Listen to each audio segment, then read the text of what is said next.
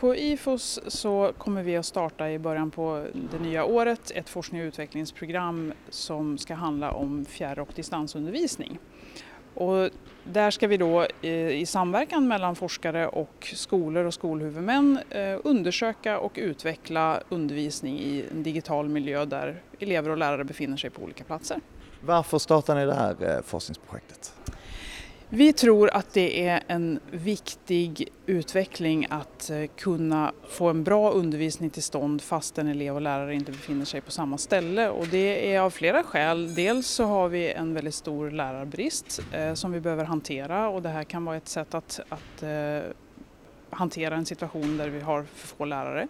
Vi har stora områden i Sverige där det är glest mellan eh, människorna och glest mellan skolorna och där också det blir väldigt svårt att ha legitimerade och behöriga lärare i alla ämnen och då kan det här vara en, en lösning. Så det är ett sätt att åstadkomma en mer likvärdig eh, utbildning för fler elever i hela landet. Mm, mm. Varför tror du man är så försiktig från myndigheters håll att tillåta en mer ska säga, expansiv eh, distans och fjärrundervisning?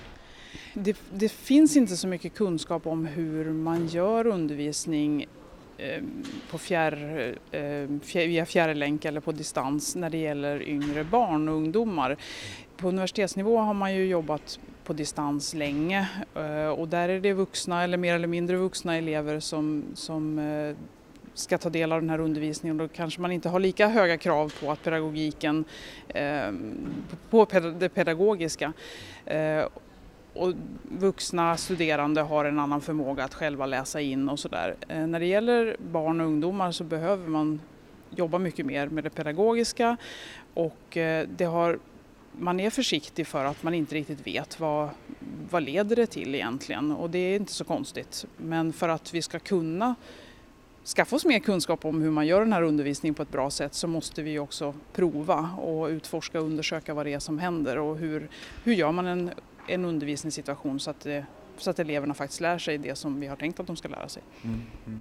Och vad hoppas ni uppnå? Det är ett projekt på tre år. Vad, vad är målet när, när ni är i hamn så att säga? Vår förhoppning är förstås att vi ska ha Eh, Eh, förflyttat forskningsfronten en liten bit, att vi ska både byggt upp eh, ny forskningskunskap men även bidra till den beprövade erfarenheten och lärares praktiska kunskap om hur man undervisar på distans.